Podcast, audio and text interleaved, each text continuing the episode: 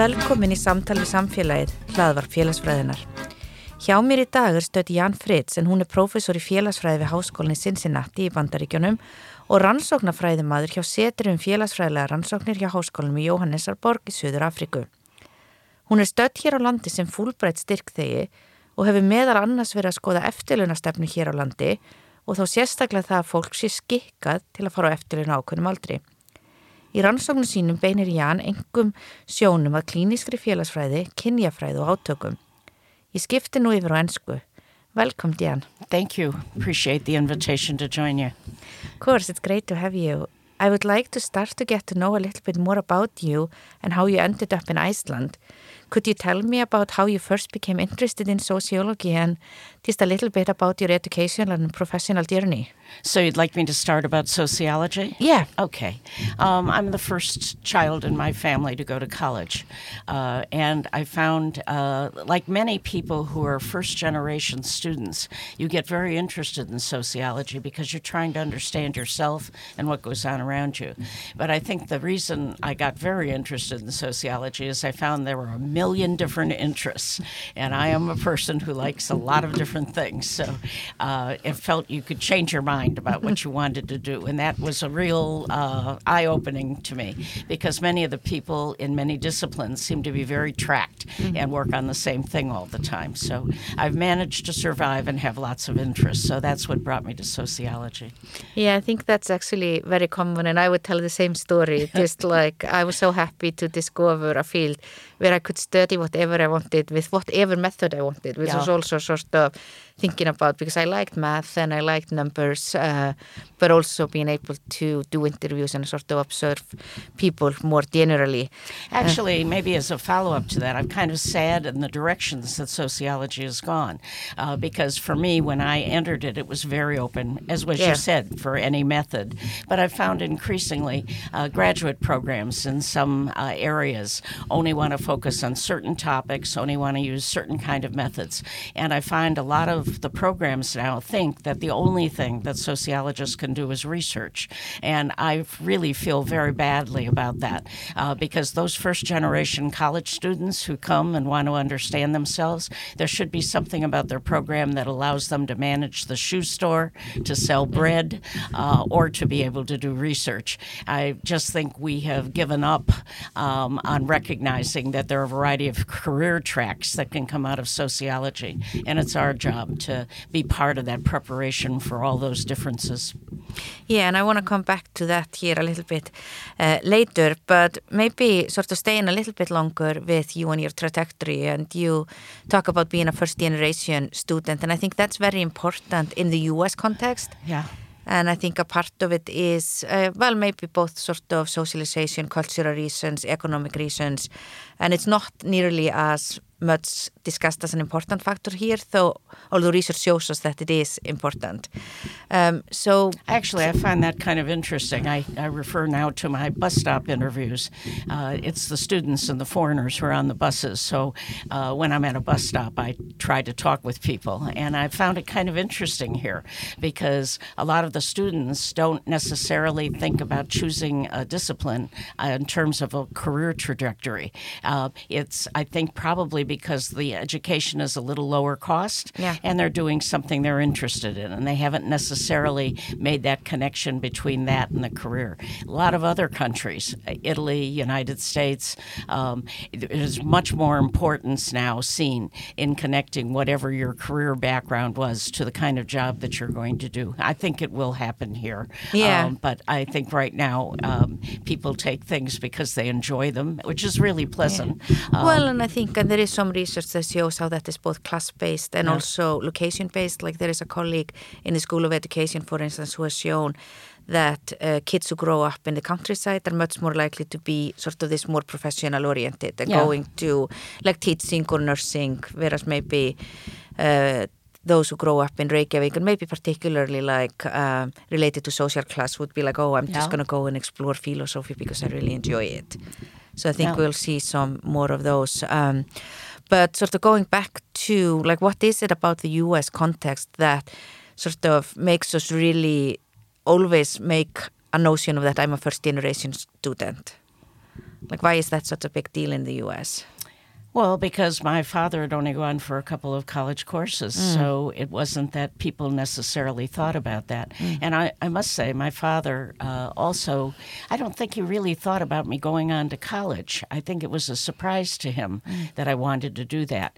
And I was surprised, he was surprised, um, because everything they had put me in were things that were new experiences and growth kinds of things. I remember my mother packing me on the bus to go to the art gallery across town and to take uh, lessons and tap dancing somewhere else or to go swimming where the people who were in this public facility had a variety of backgrounds. You know, everything they did was moving me toward uh, further education. Uh, but it's my father thought girls, uh, you know, that, that wasn't necessarily something that was in the highest order. They did nothing to prevent it. They mm. were, in fact, encouraging. Uh, but that not having had that experience themselves, my mother never graduated graduated mm. from high school. She had to quit to support her family, you know. So, and she had interests throughout her life. In fact, uh, when she was 105, I got her the magazine The Economist for Mother's Day because mm. she constantly was reading it when she was at my house. uh, so, uh, here's somebody with no real further education, you know. So, yeah. Um, but that, you know, as I said, sort of came as a surprise, and it also, I'd never thought about certain kinds of careers because they weren't in the perspective of my family. So, uh, deciding on a major or what you were going to do. I think my mother always hoped I'd be a, a like a high school a gym teacher because mm. you had the summers off. yeah, that's nice. Um, so how? So then you go into like getting your degree, undergraduate degree and go on to graduate school. So how did you decide that? Then what was your focus in your studies? How did I decide on what? Going to graduate school. Um, I think it was just sort of a logical outcome of what I was doing as an undergraduate. I did very well. Uh, I um, I can't say I was the top of the class because I didn't spend the kind of time on it that I should have.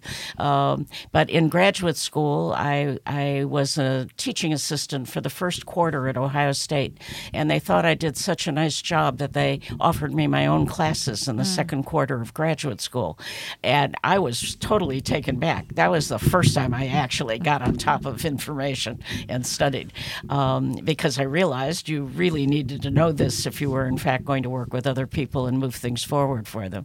Uh, so I can't say that I had a model where I had always wanted to be the top student on something. Things really turned around when somebody gave me the responsibility for other people. Yeah. And I think one of the things that is uh, interesting about your career, and I've had several other Americans uh, on the podcast who often talk about how US sociology is very US based.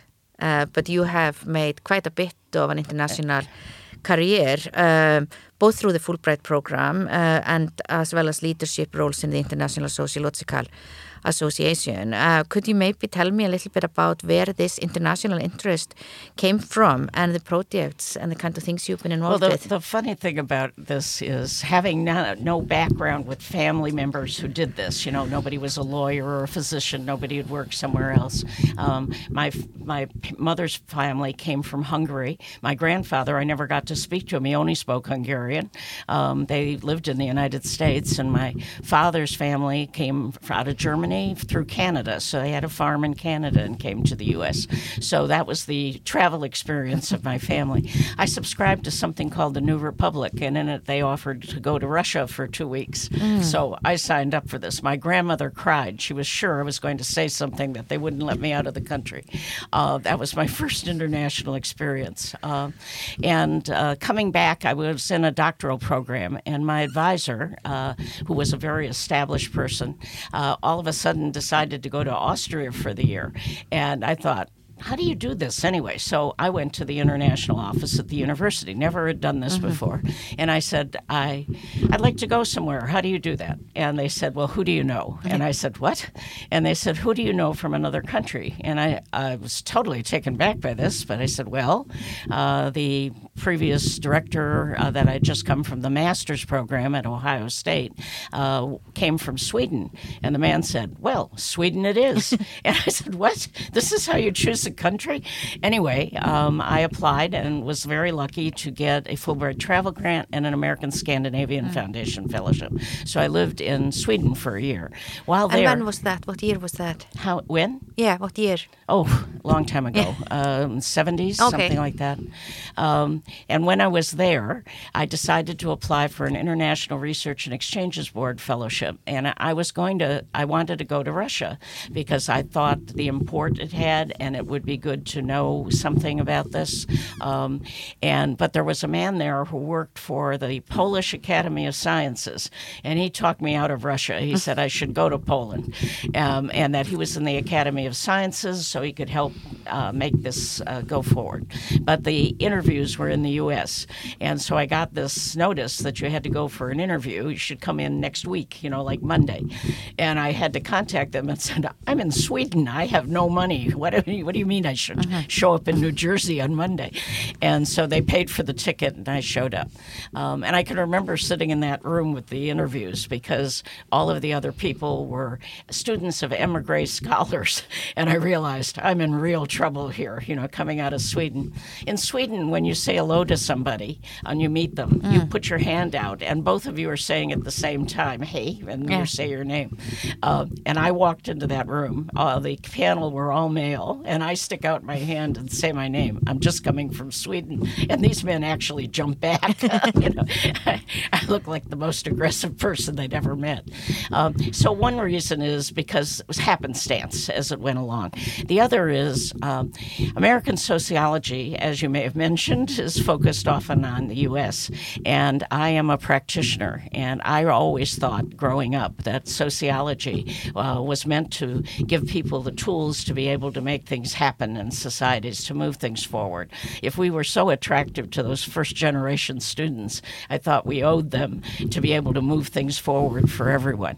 And I began to realize the sociology in the United States, uh, the practice part of it was just not remembered. It's not in the histories. I had to dig this up to be able to realize I wasn't unusual. Um, you know, we have people who took the first gerrymandering case to the mm. U.S. Supreme Court. You know, that's not bad. Um, uh, and we've had other people who allowed us to move together for a women's suffrage. Mm. Um, she couldn't get a teaching position because women wouldn't have been able to do it at the time that she was doing that. Just you know, the history of it. Jane Addams starting Hull House, um, the immigrants who came through that program that she put in place, and nothing went forward on social policy in Chicago where she wasn't involved either as an advisor or moving things forward. Um, this is a history of a discipline. Mm-hmm. Anyway, I was very disappointed in what I was seeing and the lack of emphasis on it and integration into our programs. So I started to work internationally. And so as I started to do that, I think for other people I look quite different, uh, but I could make contributions in what they were trying to do in their countries. When I would talk in Central America and I'd have an auditorium with Che Guevara 20 feet tall behind me on the wall of the auditorium, I didn't have to worry about that. I needed to convince people that we need to move forward on change initiatives. They were already there. um, so I just felt much more comfortable working in the international sector uh, than I uh, was back home. Um, yeah, and then maybe coming and sort of, uh, yeah, going maybe some uh, decades uh, ahead and bringing us back here to Iceland where you are currently finishing up your Fulbright scholarship. And I think an obvious question we have to ask here is why Iceland and how did you end up here? Well, the funny thing is, I've always wanted to come to Iceland. Everyone does. It is the best. it certainly is in policy issues. You know, it's small enough and with enough educated people who don't seem to be fighting with each other about their ideological viewpoints and move together to actually resolve some things. Um, all governments have their interesting problems about moving forward, but I always admired what was going on here there. So it's kind of funny that I had never visited or been able to go. I'd lived over a year in Sweden and I've been back there several times. I lived four months in Denmark and worked for the Danish Institute for Human Rights. I worked in Norway and I've worked in Finland, but I'd never been in Iceland. So I expected to come here and spend a lot of time learning about progressive social policy development. So I was very pleased to be able to do it and to meet the people that I've met. People have been very helpful, uh, and um, I've really learned a lot during the four months that I've been here. And your focus coming here originally was on the environment and gender. Yes. Can you tell me a bit more about uh, sort of what you intended to do well, on those? And I am um, on an advisory council to the U.S. Environmental Protection Agency. I'm on the steering committee of a, a group that's called NEJAC, National Environmental Justice Advisory Council. And I was on another advisory council to the Environmental Protection Agency before this. That particular group had an interest in the Arctic. Uh, they had a focus on Alaska, but I was beginning to see that the issues that I knew about in Finland and Sweden and Norway and Alaska mm. now uh, were important, and I needed to know more about those. So I had written this application to focus on that, and I write about the national action plans for women and girls. Uh, these are frequently called 1325 Women, Peace, and Security Plans. In Iceland, it comes out of the Ministry of Foreign Affairs. When countries have those plans coming out of something like a Ministry of Foreign Affairs, they frequently only or overwhelmingly focus on what they do in other countries, not what needs to be done in your own country. Mm. The models for those really are uh, African countries or war torn countries because they talk about their history, how they got there, what they want to do. They're self reflective kind of documents, less public relations documents. So I was interested in both of these areas and what I intended to do. And then, as happenstance, um, I had many years ago had a friend who was a a professor in Sweden. And one day I noticed that she was very upset. And I thought she must have some kind of incurable disease.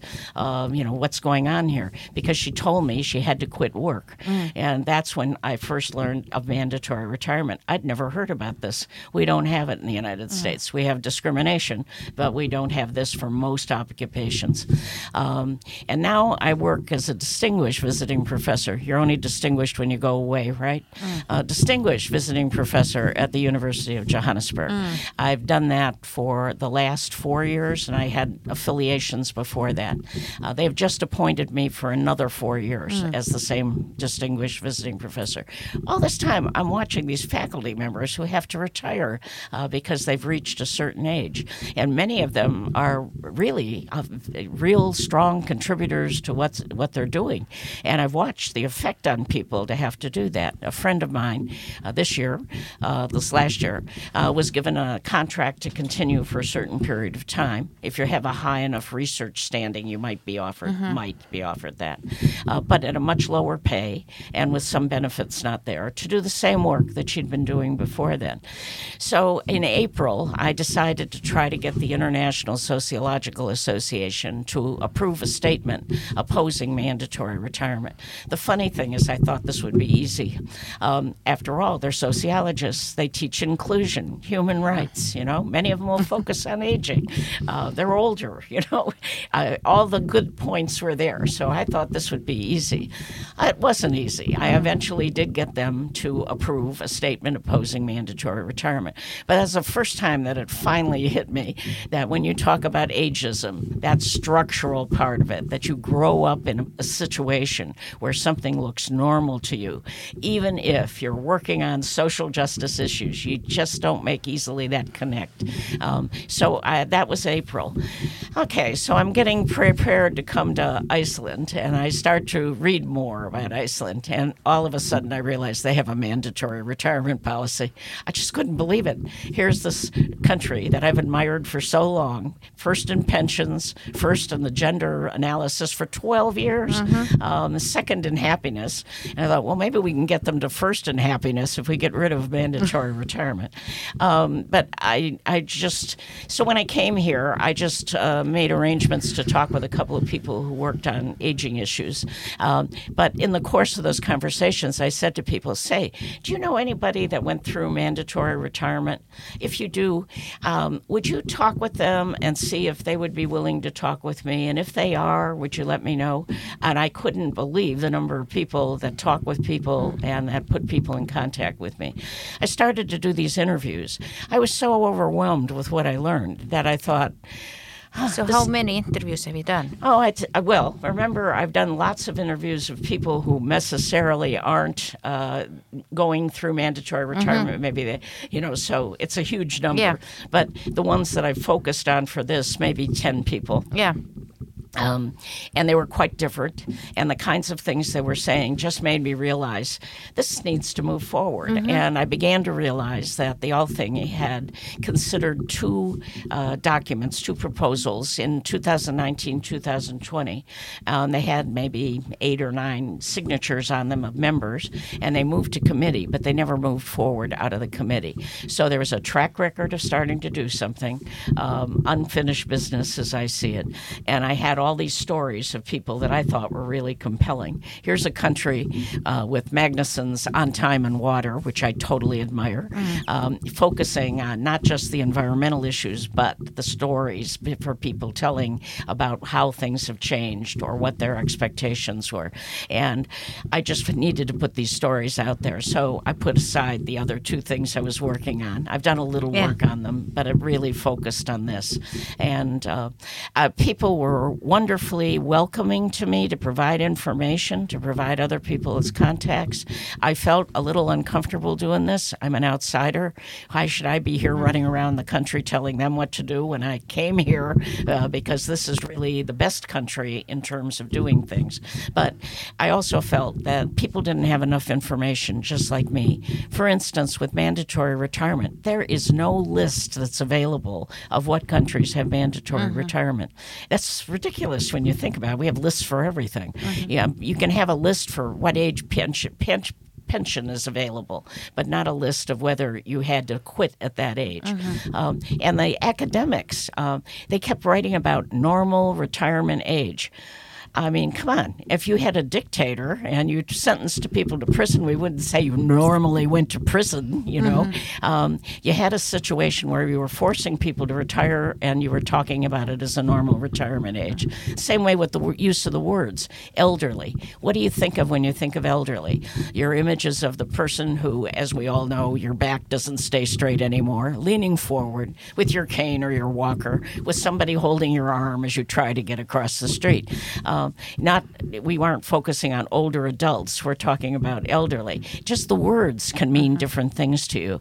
Um, and many of the people who write write about topics about what wonderful things older people do, but they don't put in there. The reason you're writing about this is because structurally we've made it think that those people don't do something. So I need to write about this because I've got a problem in the country. Uh, that means I have to justify to people that people are actually doing something. So it's I, have just learned a great deal. I feel this was never a topic area for me, even though I do stuff on human rights and social justice. So it's com- extremely complicated. Had to understand pensions, had to understand the research in the other areas, um, and the fact that I don't have a good list to be able to decide what's going on in other countries. Yeah, maybe coming a little bit back to the list, and I mean I think that's uh, one of the things that is very interesting and also showing us the sociological perspective as you're talking about because when do we become old? When is an appropriate time to uh, retire? And I mean, we see yeah. it's like a social construction. Like I mean, here in Iceland, we decided on some point on 67. Now it's in some of 70. Um, and you mentioned there is no list, but sort of, do you have a sense of the situation globally, like how it's divided, what kind of countries do have this policy, which countries do not? Uh, yes, I and do. also, I know that you talked about that in some countries it's standard. Yeah, there are many countries where this is standard. You know what's interesting? But it's the entered, like differs by the enter. Yes, uh, many countries where it's standard, but in some countries they have a different age for men and women. Mm. This would be China, this would be Japan, India. These are examples of places that have this. Um, and often the uh, retirement age is five years or so earlier for women. And as sociologists, we know women tend to live longer than men. So, what are we consigning these women to? Um, in some countries, retired people, half of them are living in poverty. Um, and people, you know, you just don't think that in 1900 you probably lived to 30 years of age. Everybody worked until they dropped, you mm-hmm. know. Um, and it was pretty much the same all over the world because there were different kinds of diseases and things that people faced. When we start to find these age differences, as as health gets better, uh, to be able to do it, so you're starting to find some countries that age is much higher than other countries. Uh, but we've all moved along and gotten older. Uh, but the thing is, the rules that have been put in place often have been there for a long time, and they have not changed to reflect what's going on. We now know that there are different tracks as we get older. Some people are fully functioning, uh, like my mother, uh, who died at 106, um, until uh, their final days. Uh, others may have physical or mental challenges that really need to be taken into account, and you're going to have to have supports for them for that per- particular period of time. But we haven't gotten into the point yet where we recognize all those differences, and different backgrounds require different solutions. Yeah, and I want to come back to uh, the data collection here in Iceland or the interviews you've been doing, and you said you've gotten a lot of information. Yes. So, what have people been saying, and uh, what kind of issues are they uh, facing? And also, are there some people who are happy that they are retiring? Are there some people who are unhappy uh, with uh, what the with retiring and what are the key themes that you're seeing? Yeah, just everything you've said. You've got everybody. Um, one man told me it was the best thing that ever happened to him. He said he wakes up every day with something to do, um, and that uh, no one should think that they don't have things they can do. You know, I, he really enjoys it, and he recommended a business owner for me to talk to. I was sure the business owner would be of exactly the same mind because they were friends, right? So I contact the business owner. The business owner had been an academic academics before. He quit early because he already owned a company and he knew that the company, there would be no retirement age to it. And he um, told me that he goes to work every day because he has employees, because we have to discuss things, and to give company. Um, and he said that um, he maybe he will retire when he's 75 or 80. He doesn't know, you know. Mm. And these two are best friends, yeah. you know. So already I'd made an assumption that the one would be thinking just the way the other had. I think the more difficult part for me was uh, many of the older women. Um, both other people who'd done research in Iceland and what I found in interviews were that some women quit early because the situation they don't feel is welcoming anymore or they shouldn't be there. Um, and uh, one of them talked about how she was glad that it was compulsory because she didn't have to think about it. It just then was something she wouldn't have stayed too long. And some sometimes women talk about how uh, they wouldn't want other people to be talking about them, uh, and you know, so they should retire before that happens. Mm. Um, so some of them go on to a part-time arrangement if they can, um, and those people always tell me they've worked just as much as they worked before, but now they're getting paid, you know, for half of the something. But um, there's a there's a word for that um, where people um, are sort of um, unhappy with themselves and it's something that we structurally fix can fix, uh, but it, we still need to pay attention to that transition period. Organizations need to provide support groups, need to find ways to find continue with your organization. Um, so even if you make the decision to retire or make the decision to go to half time, it's still an adjustment. And we need to figure out ways to be able to do that. But the women's situation I found is more difficult. Uh, it seemed in the people I interviewed uh, than the men. Uh, but to the end, even the people who enjoyed it said that it was the best thing that happened to them, recognized there were other people that wanted to continue, and it should be a matter of choice, mm. not something that's forced. The other thing is, for the most part, they didn't speak up about this. Um, some of them told me there was no use because uh, what could I do about it, you know? Or some of them didn't think it was possible to speak up. And we have an equity board here, Um, I think people need to know what the possibilities are, how to take something forward. They really need to talk with their union. Um, that was another thing I've I found. I didn't expect to have everybody being represented by somebody, but I found those groups really do care about what their members are thinking.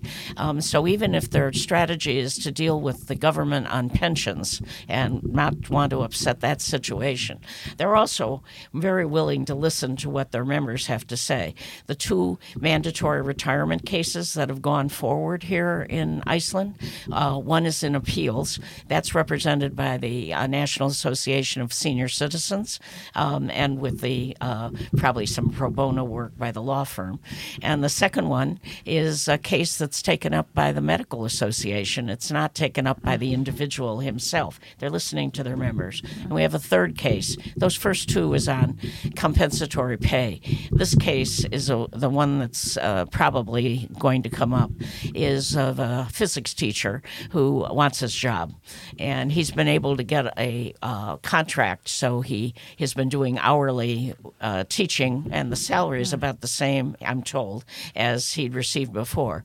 But for him, it's uh, he wants to stay in doing what he's doing. So he's in the process of talking with his union uh, to see about moving those things forward. And I'm talking with that union about some possibilities, um, like demonstration project to make sure try something out where you do this individual assessments that I've talked about uh, with experts and principals involved in developing criteria, uh, just to see how that works, uh, and to provide that information then to the Althingi. Yeah, and I just want to sort of build up on that and maybe thinking about what you see as the solution to this and maybe sort of thinking about two things that may be often brought up in this conversation. And you mentioned already that, I mean, we age very differently. So some people may be fully functioning basically until the day they die in a uh, old age, yeah. whereas others face all sorts of challenges. And of course, I mean, that can happen at any, I mean, you can have any challenges as a 20, 30, 40 year old, but we know that those tend to increase with age.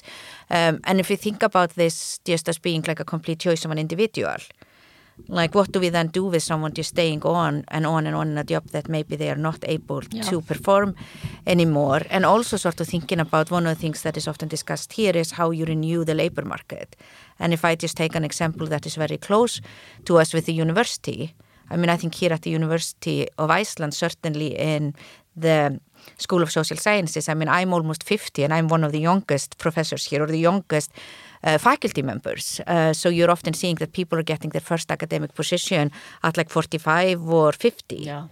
Uh, and then you think about if we didn't retire at 70, uh, this would become even more of a problem. So how would we sort of address both those issues, but also sort of secure the fairness that you talk about that is really important? Do you have assessments like yearly, three years, five years for all of your faculty? Mm. Uh, in some ways, yes.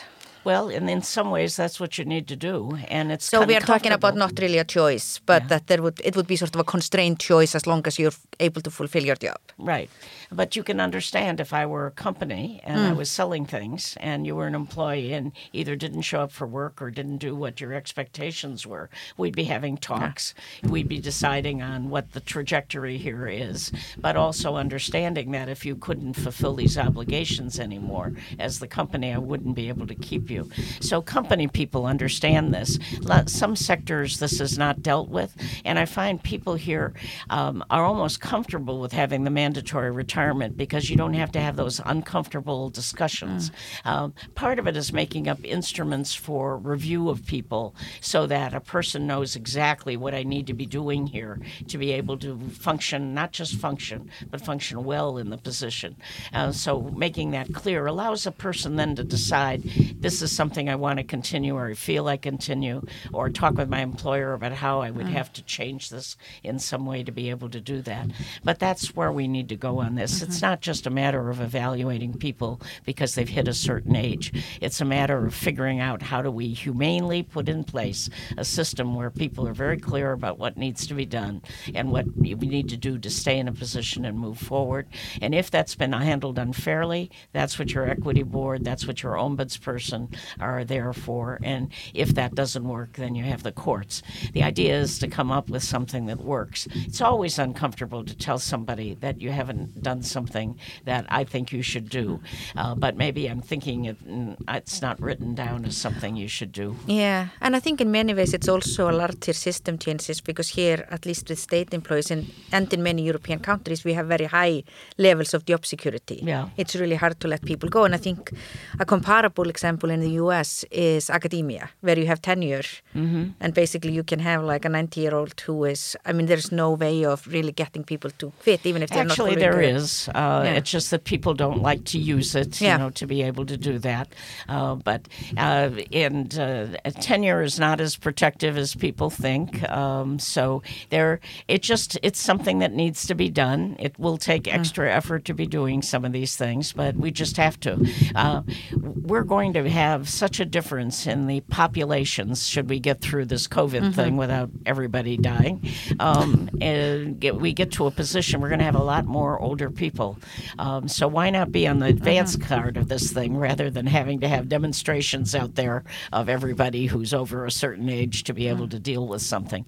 Um, and uh, that's why I'm really looking forward to see if we can do something here in Iceland. Notice the we, um, just because it's it can be a model for how other places mm-hmm. do it. You know, every time I work in a Nordic country, they always say, "Well, I'm going to look at let's see what the other Nordic countries are doing." well, why not look at what Iceland's doing? You know, we can help Sweden and Norway by taking a mm. look at what Iceland uh, comes up with, mm. uh, and I, I think it's really possible. So I'm I'm just looking to see where this goes. Yeah, and obviously, like one of the major problems that we also discuss is that we are always having smaller and smaller part of the population sort of paying for, we are staying longer in school, we are retiring earlier and living longer. Yeah. So sort of like the people active in the labor force uh, oh. are fewer and fewer, which is another concern. What's happened is um, other countries are noticing the same thing and they're just raising the age for mandatory mm-hmm. retirement. Pensions can be connected to retirement. They don't have to be connected to mandatory retirement. Mm. And your pension situation can be adjusted such that people who want to be able to continue to work are going to be able to do it. And if you in a country where you want people to be able to stay, you're going to be able to put incentives down uh, for that to be able to happen as well. It just means you're going to have to put a little thinking into it, and we are changing. So um, there are just going to be more older people, and countries are going to have to figure out ways to be able to deal with it. But my looking at countries where the retired population that can be half in poverty to me is just outrageous, you know.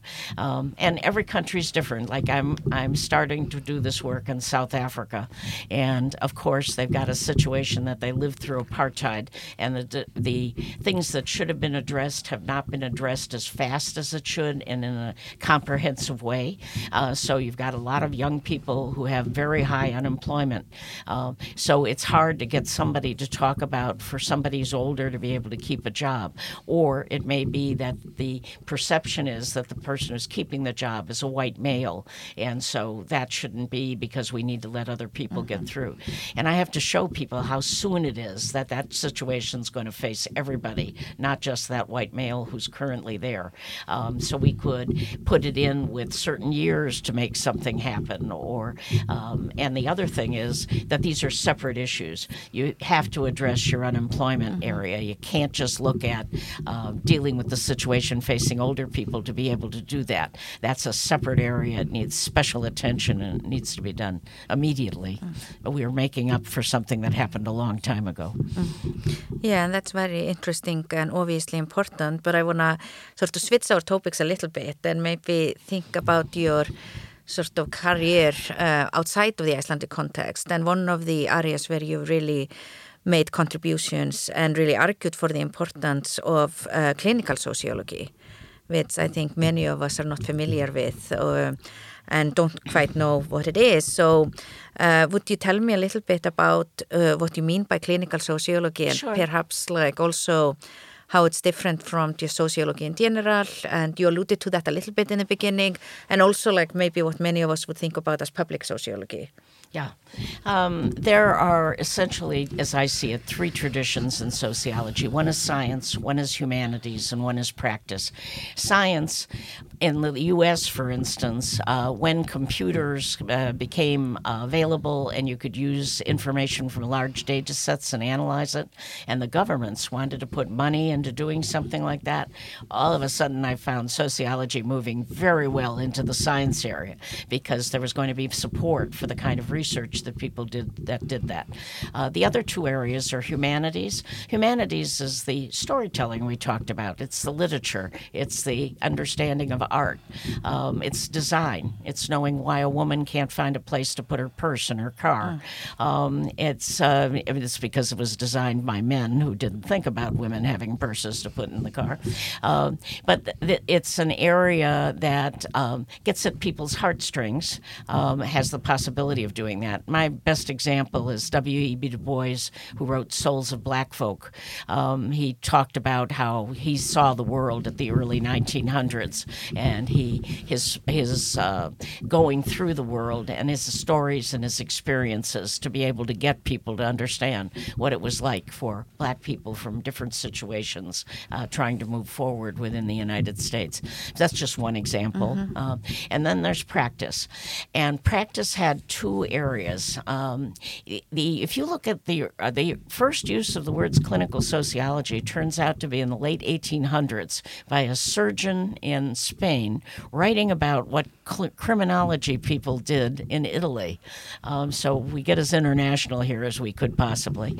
In the United States, the term is used in the 1920s and 1930s, and one of the prominent people to use it was a dean at Yale who was head of the medical school, not a sociologist. And what he was talking about is that he wanted everybody going through his medical program to be trained in some area dealing with the body, but also some area dealing with that social experience of people, and use the words clinical sociology for that. Clinical sociology was taught at the University of Chicago, uh, then moved to uh, Tulane, uh, moved to New York um, University as people left the University of Chicago. Um, it had different meanings for different people. Some of it was uh, running uh, something that would deal with uh, mental health or health issues, but a lot of it dealt with um, what we would call today delinquency, you know, dealing with kids and what kind of issues they got into. Um, and Saul Alinsky, who is known for his progressive work in certain areas and as an organizer, he was a master's student at, um, he was a, a, student at the University of Chicago. He took the course in clinical sociology. Um, he, um, you know, so there is a whole tradition here of people who are doing things. And over time, we've kind of lost that. And there was discussion. Um, I, I, there was a little book by Hinkle and Hinkle, why I even remember this, on the development of sociology, a little paperback. And I remember reading that when I was in college. And there was like two paragraphs about people who were doing something like this. I don't know why it stuck in my head, but for me, this was like an eye opener. Why, why don't any of these books talk about this history? Um, and uh, so it always kept it kind of in my mind. And then in the, oh, I guess the 70s, uh, a group of us started to meet people who didn't know each other, but just thought that sociology should be doing something.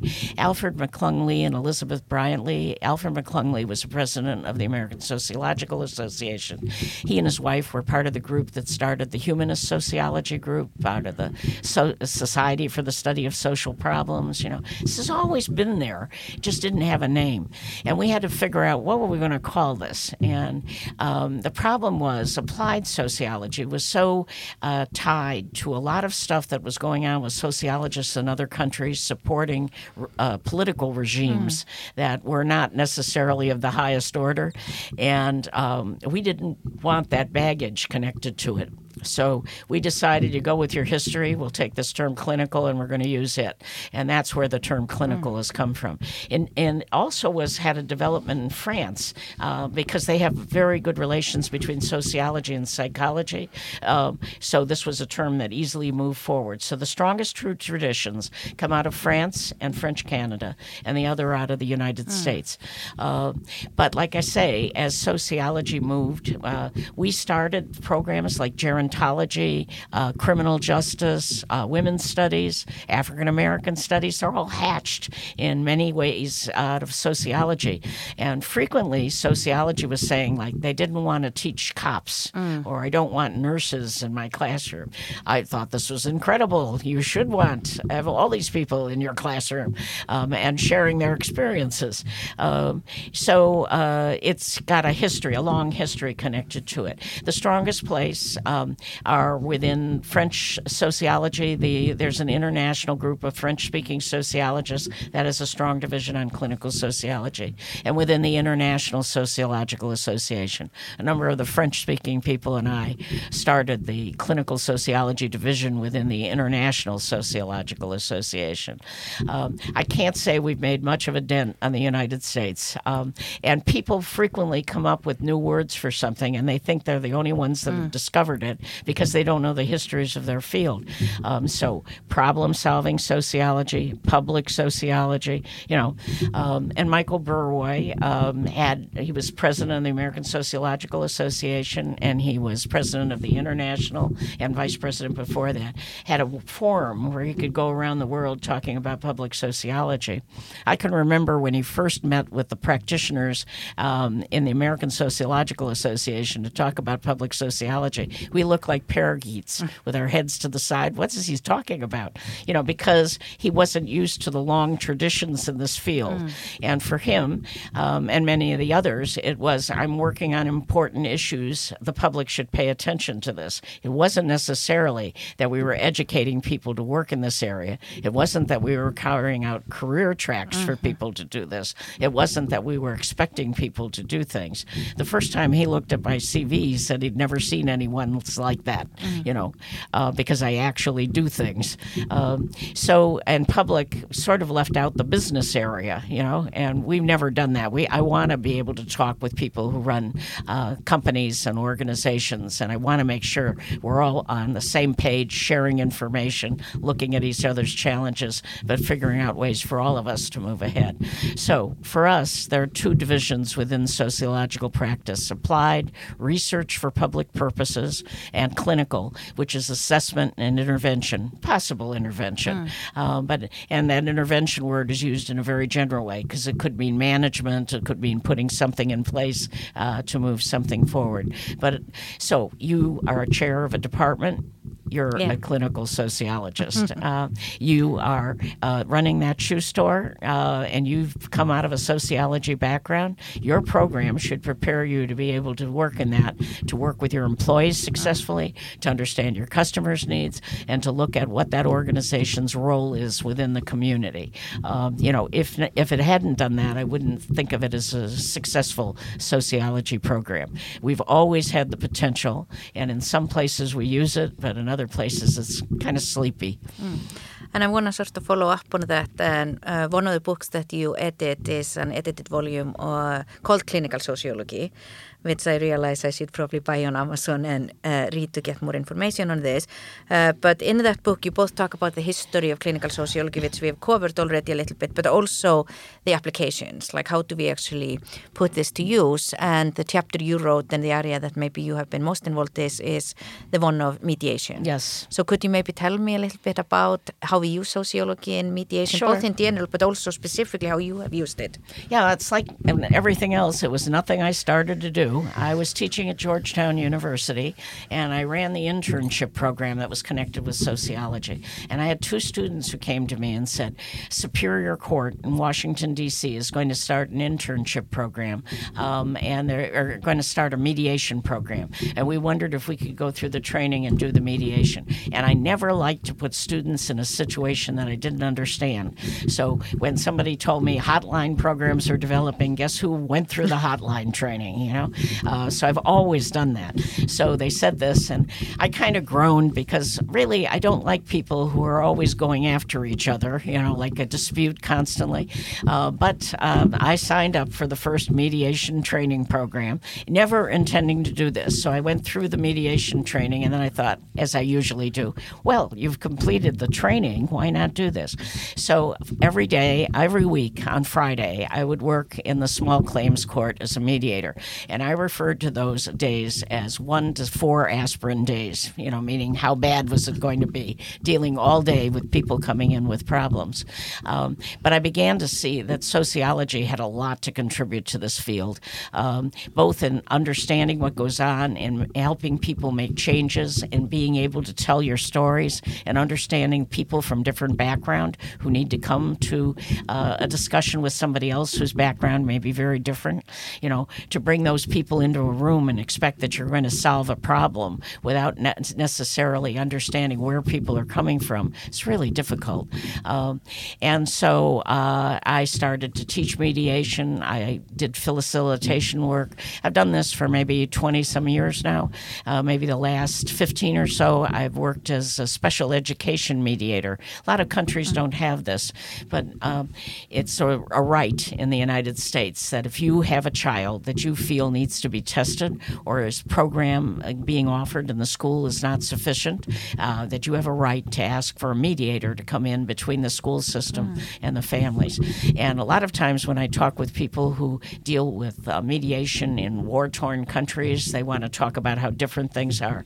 Trust me, if you, my child is being not treated in a way I think I should treat, be treated, I may not have anybody killing each other or raping each other, but I've got an emotional uh, involvement that's very strong. And uh, uh, am asking a system to make changes that maybe they feel if they do this for one, they would have to do it for others, you know. So um, it's a really challenging area to work on.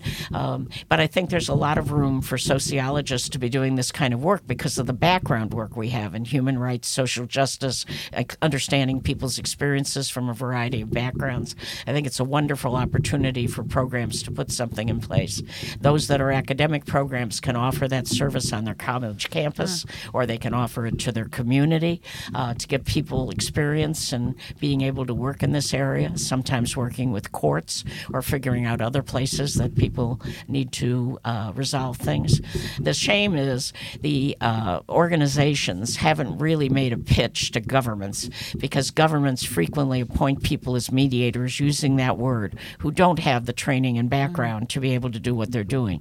A lot of our agreements, international agreements, fall flat, if not very soon in some time, often because the involvement of professional mediators is not there and central. Uh, sometimes they're there on the edges as an advisor. But governments tend to appoint somebody I can trust, somebody I know who knows people in that country for the mediator. And that should be one qualification. It shouldn't be the whole range of qualifications. Um, but I see this as a real important area to offer to uh, sociology students. Yeah, and I think that's definitely something we need to think about here in Iceland as long as, uh, as well as like many other things you brought up. But uh, we are running out of our time, so uh, I just briefly. Well, if I could just follow yeah. up on one thing, I'm glad to hear you say that because all those older people who may want to keep their jobs, maybe you should contact the sociology department. yeah, and I uh, to sort of finish up, and I think we always need to ask this of people who are staying here in Iceland. Uh, just if you would uh, finish up by telling me a little bit about how your experiences in Iceland have been and what are the most important things that you have learned, and some of those you may already have covered. I've learned people don't clean their sidewalks because I walk here. so I see snow that should be removed. Um, what have I learned? Um, I, people are really very nice and welcoming to each other. They're, they are reserved. Yeah, I sometimes have to initiate that conversation. Uh, but I find that, and I would suggest to anyone who visits here, initiate the conversation. Uh, you're going to learn a great deal. I've also learned how everybody seems to know everybody or if they don't, they know somebody who knows somebody who knows somebody. I just this so when I asked people about interviewing people, I was just totally amazed at you know how that moved forward, uh, which is very nice actually. Um, I um, I suppose my biggest surprise is, um, and this may sound really silly, but the graffiti. I mm. I just expected would be cleaned up. Um, and I also, because having lived in Sweden and Norway, I was used to very well kept yards. So to see some yards that are very well kept and some backyards that are not, it just came as a surprise to me. It's like, wait a minute, weren't the Danish and the Norwegians here? What happened? Uh, and people see this as natural, you know, so, and they don't want to put a pesticide on something or a herbicide, you know, so I understand all this. It just came as kind of a surprise. Uh, and the biggest surprise was the wind. I I'd lived in lots of places with wind, and I live in Florida where we have hurricanes. But I just can't believe that every 15 minutes you can have a change in weather where uh, you can't even move forward sometimes when that wind is out there. On the other hand, it's a beautiful country. I have just totally enjoyed this. I my husband came with me in the beginning, and we did go around this the country and visit with various people. I interviewed farmers. Uh, I love the sheep. I love the horses. I um, I, I like the fact that we don't have to use pesticides and herbicides in ways you would find in other places. I'm extremely worried about what the the uh, global crisis, um, how this is going to affect uh, islands uh, in particular and the edges of countries. Mm-hmm. Um, in Alaska, we've got people who are native people who live along the shore. They don't have often roads to get where they get to. Um, they don't have places where they remove their trash. Uh, they're going to have to move. They're going to. We have to figure out ways to be able to get transportation. We have to figure out what damage we've done to the environment with the things that we've left in it because it was frozen and there wasn't anything happening. I've been in the Philippines and I watched the resilience efforts. Uh, you think we've seen migration problems? We have seen nothing. We are going to be facing an extremely difficult situation. And I watch the news. You could cry. Everybody's fighting with everybody else else. We've got these terrible health things. If we can't get this under control, how are we going to get together to move forward in a way to deal with this climate? And it's not climate change, this is a climate crisis. Mm. So I'm watching people here to see how things really function well. And I really, really enjoyed that.